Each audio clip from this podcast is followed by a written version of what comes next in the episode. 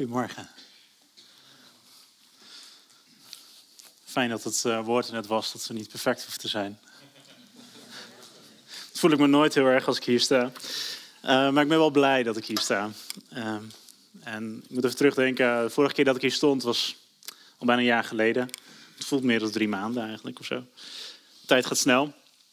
En um, ja, de titel die ik toen aan mijn preek gaf was Hemel en aarde horen bij elkaar. En ik begon toen te vertellen van, nou, als, als je zo'n titel hoort van een preek, dan heb je eigenlijk een soort van twee reacties in de gemeente. En je hebt mensen die zeggen, ja, maar waarom dan? En je hebt mensen die zeggen, ja, maar hoe dan? Wat, wat kan ik hiermee? Wat moet ik hiermee doen? En um, ja, ik bekende toen al dat ik meer een waarom dan persoon ben. Ik ben wat meer theoretisch aangelegd. Maar ja, ik hoop en ik verwacht ook vandaag dat uh, ook de hoe mensen onder ons uh, verzadigd naar huis zullen gaan. Um, mocht dat dan niet zo zijn, mocht je nou aan het eind van de dienst nog een vraag hebben, dat je denkt, nou, of feedback, dan trek me even aan mijn nou, jasje, spreekwoordelijk. Uh, ik ga dit, dit jaar wat vaker spreken en ja, ik wil daar gewoon beter in worden en zorgen dat, ja, dat ik jullie op een goede manier daarin kan dienen.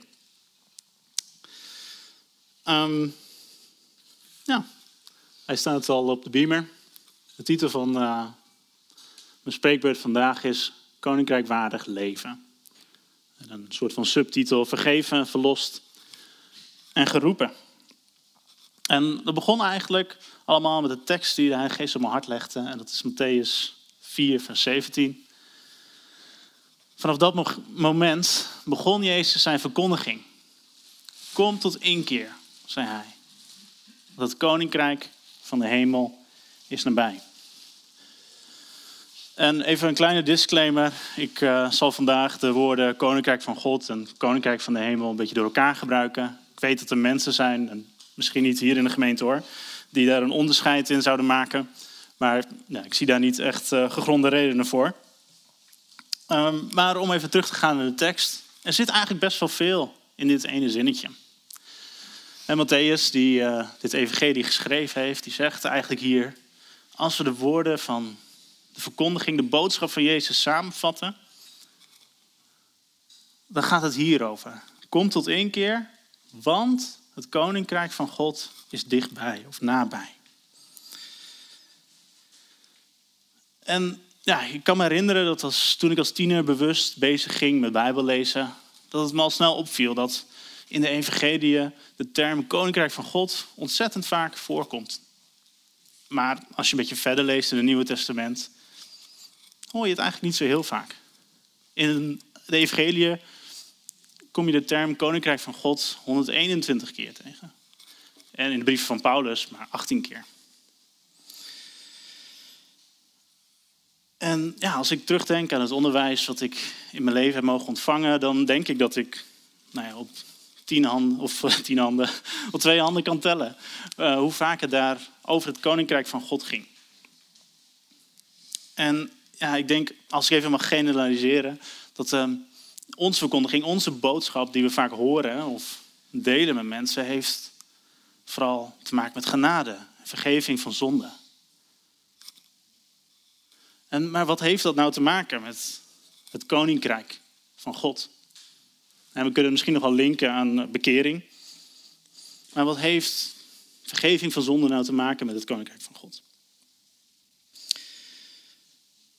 En nou als we het begin van Matthäus lezen, en dan beginnen we um, nou, natuurlijk met geslachtsregister, dan komen we bij Johannes de Doper. En Johannes de Doper die geeft dezelfde boodschap. Kom tot inkeer, want het koninkrijk van God is nabij. En bij de mensen in die tijd maakte het heel veel los.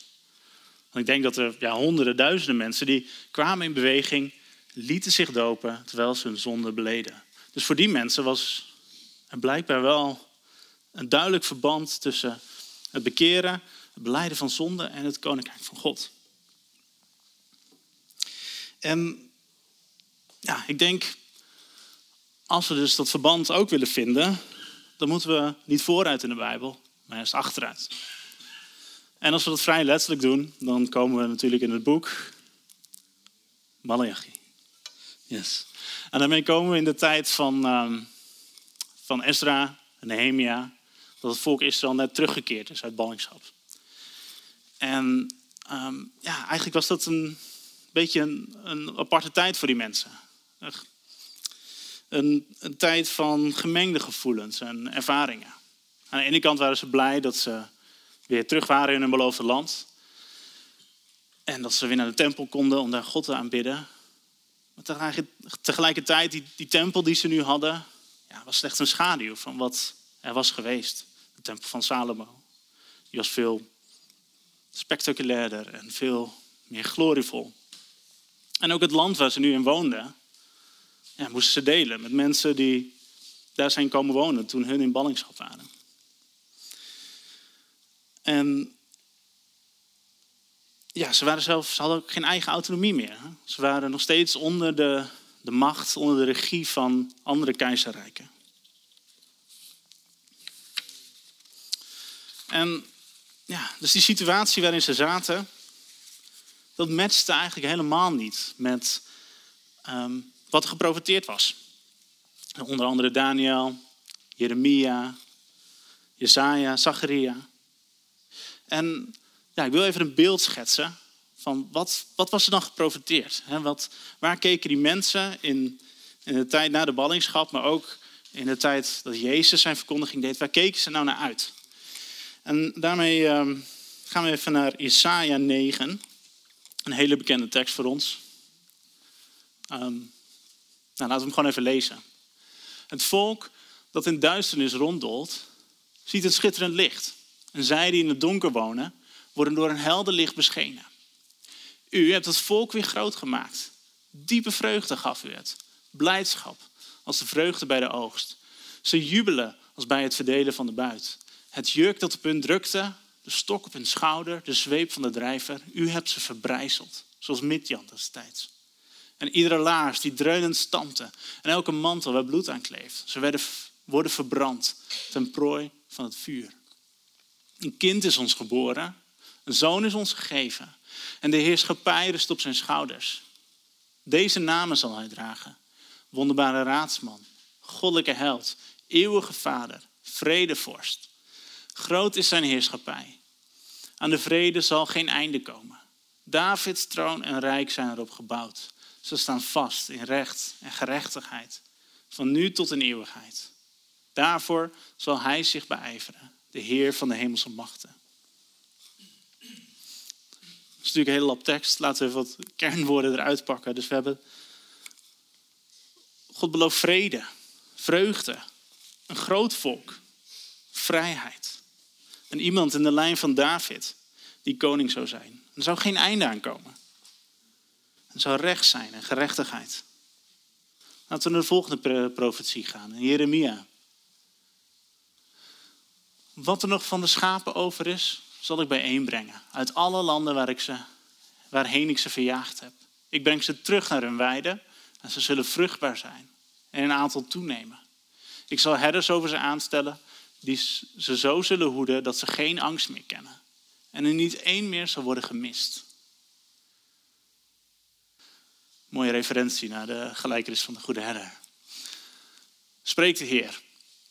De dag zal komen spreekt de Heer, dat ik aan Davids stam een rechtmatige telg laat ontspruiten. Die als koning een wijs beleid zal voeren en in het land recht en gerechtigheid zal handhaven. En dan wordt Juda verlost en zal Israël in vrede leven. En zijn naam zal zijn, de Heer is onze gerechtigheid. Dus ook hier um, overeenkomende woorden. Vrede, herstel, vruchtbaarheid, groei, recht, gerechtigheid. Geen angst. Iemand in de lijn van David op de troon. Vrede. Dan gaan we naar de volgende, dat is in Daniel. In mijn nachtelijke visioenen zag ik dat er met de wolken van de hemel iemand kwam die eruit zag als een mens. Hij naderde de oude wijze en werd voor hem geleid. Hem werden macht, eer en het koningschap verleend. En alle volken en naties, welke taal zij ook spraken, dienden hem. Zijn heerschappij was een eeuwige heerschappij die nooit ten einde zou komen. Zijn koningschap zal nooit te gronden zijn, gaan. En ook hier komt het koningschap weer terug. En hebben we het over een eeuwig koninkrijk, zonder einde. En het zal voor alle volken en alle naties zijn. Dus even vrij samengevat, deze drie bij elkaar. Het was geprofiteerd dat God een koning zou geven aan Israël. In de lijn van David. En deze koning zou een koninkrijk brengen op aarde van vrede. Een koninkrijk waarin geen onderdrukking zou zijn. Waar dingen worden rechtgezet en waarin recht wordt gedaan. Waar geen angst is. En het zou een koninkrijk zijn voor alle volken en naties. Dat uh, klinkt best wel goed, toch? Ja. Wie zou er wel deel willen zijn van zijn koninkrijk? Dus ja, dit is waar de mensen in de tijd van Jezus naar uitkeken. Dat God deze belofte zou gaan vervullen. God zal zijn koninkrijk herstellen door de Messias. En het belangrijkste, dit keer zou het wel goed gaan.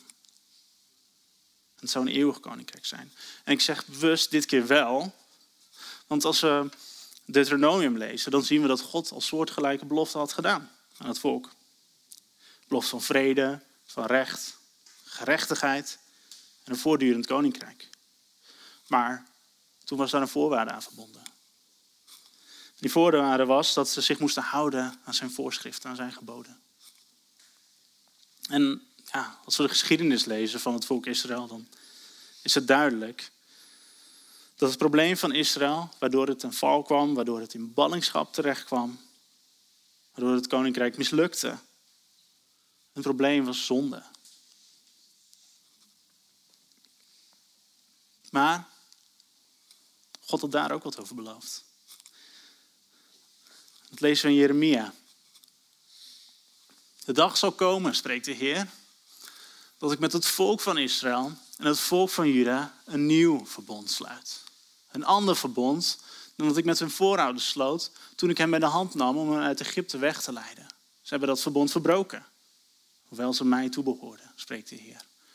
Maar dit is het verbond dat ik in de toekomst met Israël zal sluiten, spreekt de Heer. Ik zal mijn wet in hun binnenste leggen en hem in hun hart schrijven.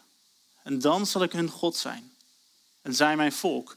Men zou elkaar niet meer hoeven te onderwijzen met de woorden leer de Heer kennen. Want iedereen, van groot tot klein, kent mij dan al, spreekt de Heer. Ik zal hun zonde vergeven en nooit meer denken aan wat ze hebben misdaan.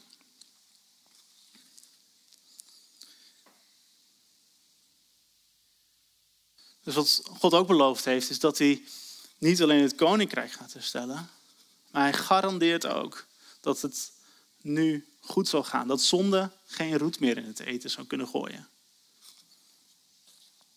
Dus als de mensen in de tijd van Jezus horen, het koninkrijk van God is nabij, dan heeft dit alles te maken met vergeving, met zonde. Als ze horen, Gods koninkrijk is nabij, dan betekent het voor hen dat dit de tijd is dat God gaat ingrijpen in deze wereld.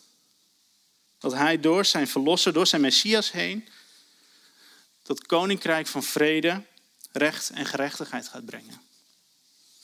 En dat niets het zou kunnen stoppen. Zelfs niet hetgeen wat tot nu toe hun grootste probleem was. Want God gaat hun zonde vergeven. En hij gaat hen bevrijden uit de macht van de zonde.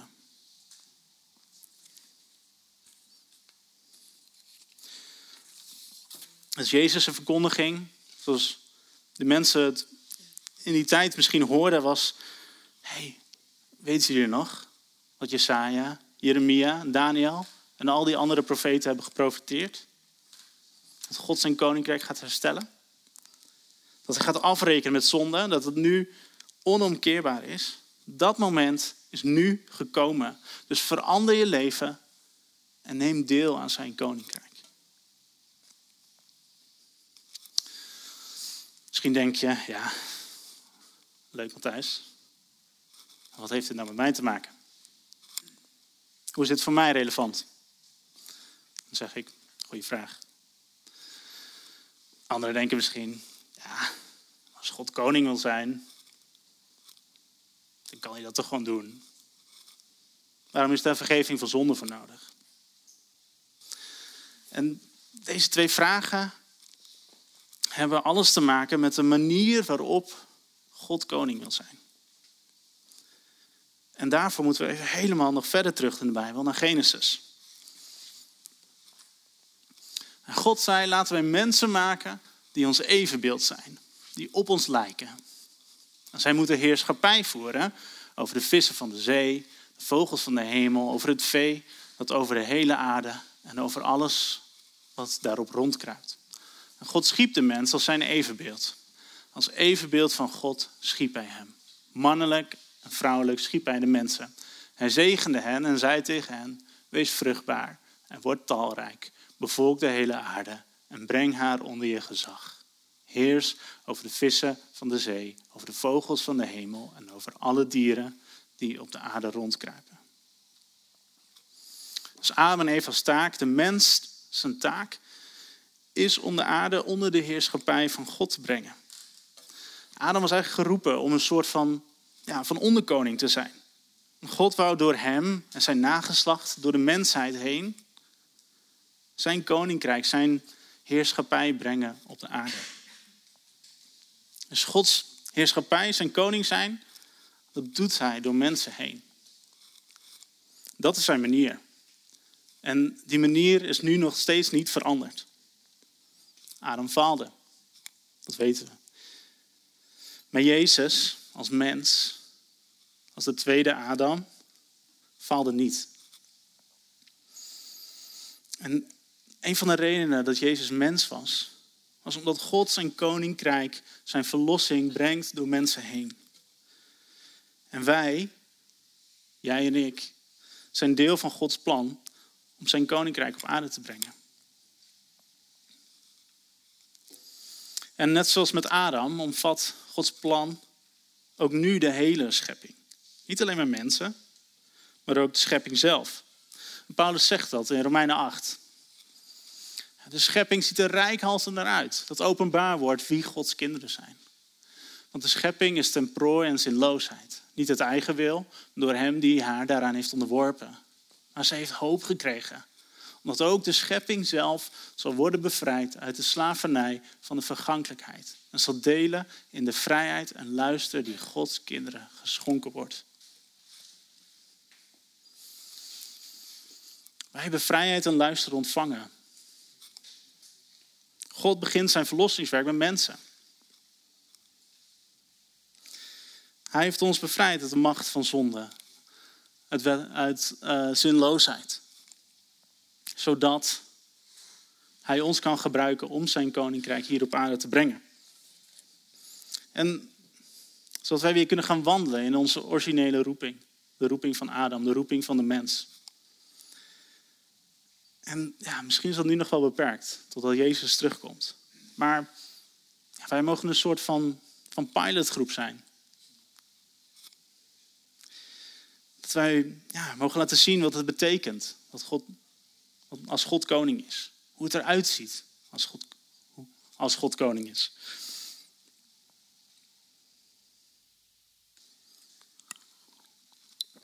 De mensen in de tijd van Jezus, die, ehm, die dachten ook te weten hoe het eruit zag als God koning zou zijn. maar ja, dat uh, klopte natuurlijk voor geen kant. En dat was zelfs een van de redenen waarom ze uiteindelijk Jezus aan het kruis lieten nagelen. Dat ze niet, hij niet voldeed. Zijn koningschap leek niet op wat zij verwachten. Maar hoe ziet het er dan wel uit als God koning is? En ja, ik, ik, denk dat we daar nog een aantal zondagen aan zouden kunnen besteden. Om, uh, om dat te ontdekken. Maar ja, ik wil vandaag toch een klein begin daarmee maken. Door gewoon ja, verder te lezen vanuit onze, vanuit onze hoofdtekst. Want ja, vlak na uh, Matthäus 4 komt natuurlijk Matthäus 5. Makkelijk uh, ezelsbruggetje. En uh, dat is de bergreden. En um, Jezus begint met zaligsprekingen. En op een gegeven moment gaat hij over in de volgende tekst. Uh, en ik heb daar hier en daar wat weggelaten om tot kern te komen. Oh, wacht terug hoor. Jullie zijn het licht van de wereld. In een stad die boven op een berg ligt, die kan niet verborgen blijven. En zo moet jullie licht schijnen voor de mensen, dat ze jullie goede daden zien en eer bewijzen aan jullie Vader in de hemel. Denk niet dat ik gekomen ben om de wet of de profeten af te schaffen. Ik ben niet gekomen om ze af te schaffen, maar om ze tot vervulling te brengen. En wie ze onderhoudt en het een andere leert, zal in het koninkrijk van de hemel hoog in aanzien staan. Want ik zeg jullie, als jullie gerechtigheid niet groter is dan die van de schriftgeleerden en de fariseeën, dan zullen jullie zeker het koninkrijk van de hemel niet binnengaan. Dus Jezus koppelt hier goede daden en een rechtvaardig leven aan het koninkrijk van God. En als we verder lezen, dan uh, gaat Jezus over in. Uh, dat hij zegt, maar ja, jullie hebben gehoord, dit gehoord, maar ik zeg tot jullie. En dat stukje gaan we niet helemaal lezen, want dat is meerdere hoofdstukken. Uh, maar ik heb dat even proberen samen te vatten.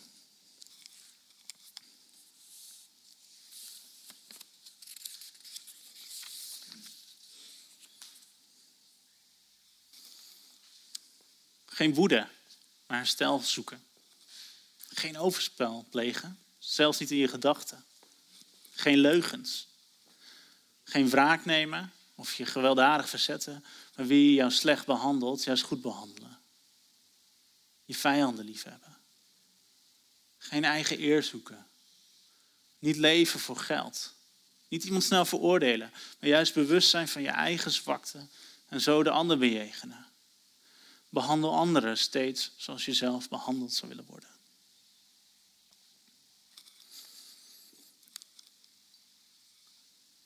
Dit is een deel van hoe het koninkrijk van God eruit ziet.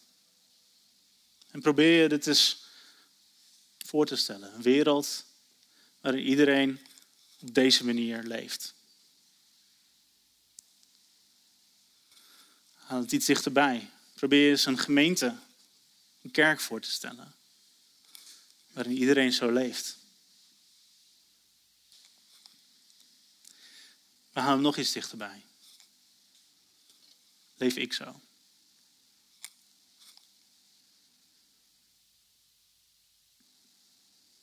Leef ik op deze manier? Dus Jezus zegt vandaag tegen mij, tegen jou, tegen ons als gemeente, kom tot inkeer. Het koninkrijk van de hemel is nabij. En weet je, als we deze lijst zien, dan weet ik zeker dat ieder van ons al iets kan uitpikken van, oh ja, dat doe ik zeker nog niet. En ik wil niet dat deze preek een veroordelingspreek is. Ik denk dat Jezus oproep is om, uh, om te bekeren, op de eerste plek een uitnodiging is om te gaan leven op de manier waarvoor je gemaakt en geroepen bent. Het is een uitnodiging om deel te nemen aan zijn koninkrijk. Je leven in lijn te brengen met waar zijn koninkrijk voor staat. Want dit is waar God naartoe werkt. Dit is waar de wereld heen gaat.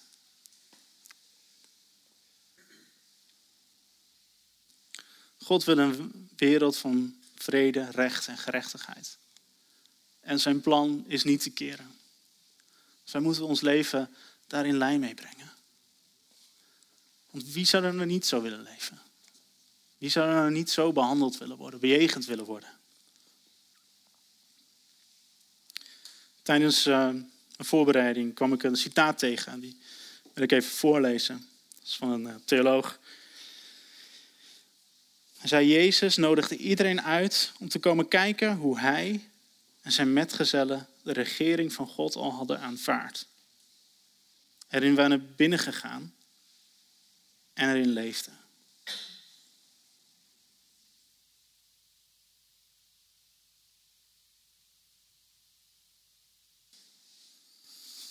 Je bent vergeven, verlost en geroepen dan ga je ook voor de volle 100% een koninkrijk binnen.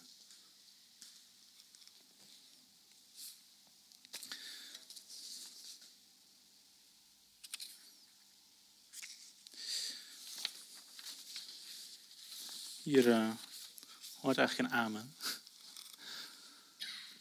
Nou, laten we nog even bidden.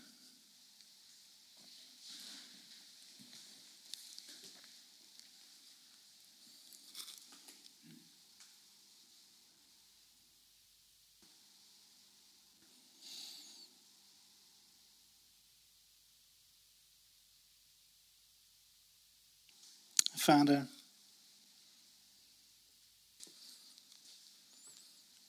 hebt een groot plan.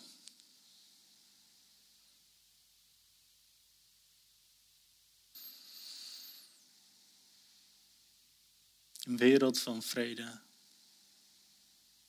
recht, gerechtigheid en liefde. Niets anders. Als we kijken naar de wereld om ons heen.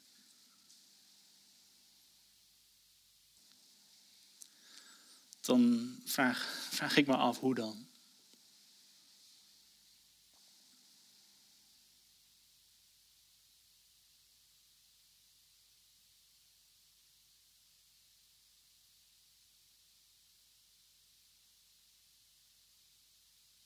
En uh, ja, Jezus, dank u voor. Uh,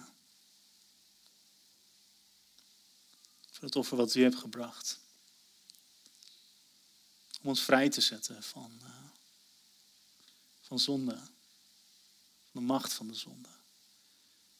Heer, dat alles wat we ooit hebben gedaan, Heer, dat u het vergeet en vergeeft. Dat u door uw geest u. Uh,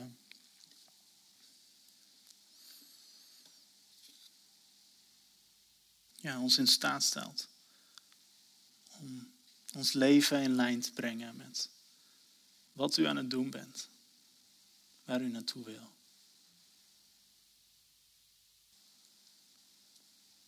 En ja, ik bid dat u uh, ons helpt om ons te bekeren, om ons leven te veranderen op deze punten die ja, niet koninkrijkwaardig zijn.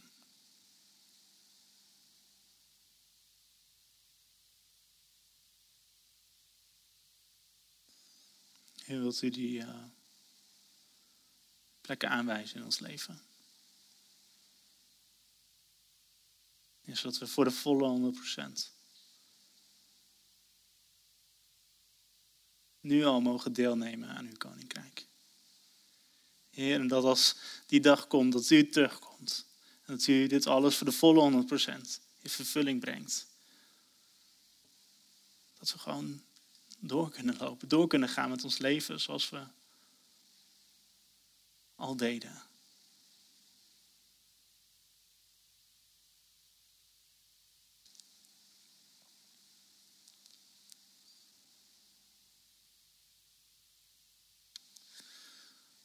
Dank u wel, Jezus. Amen.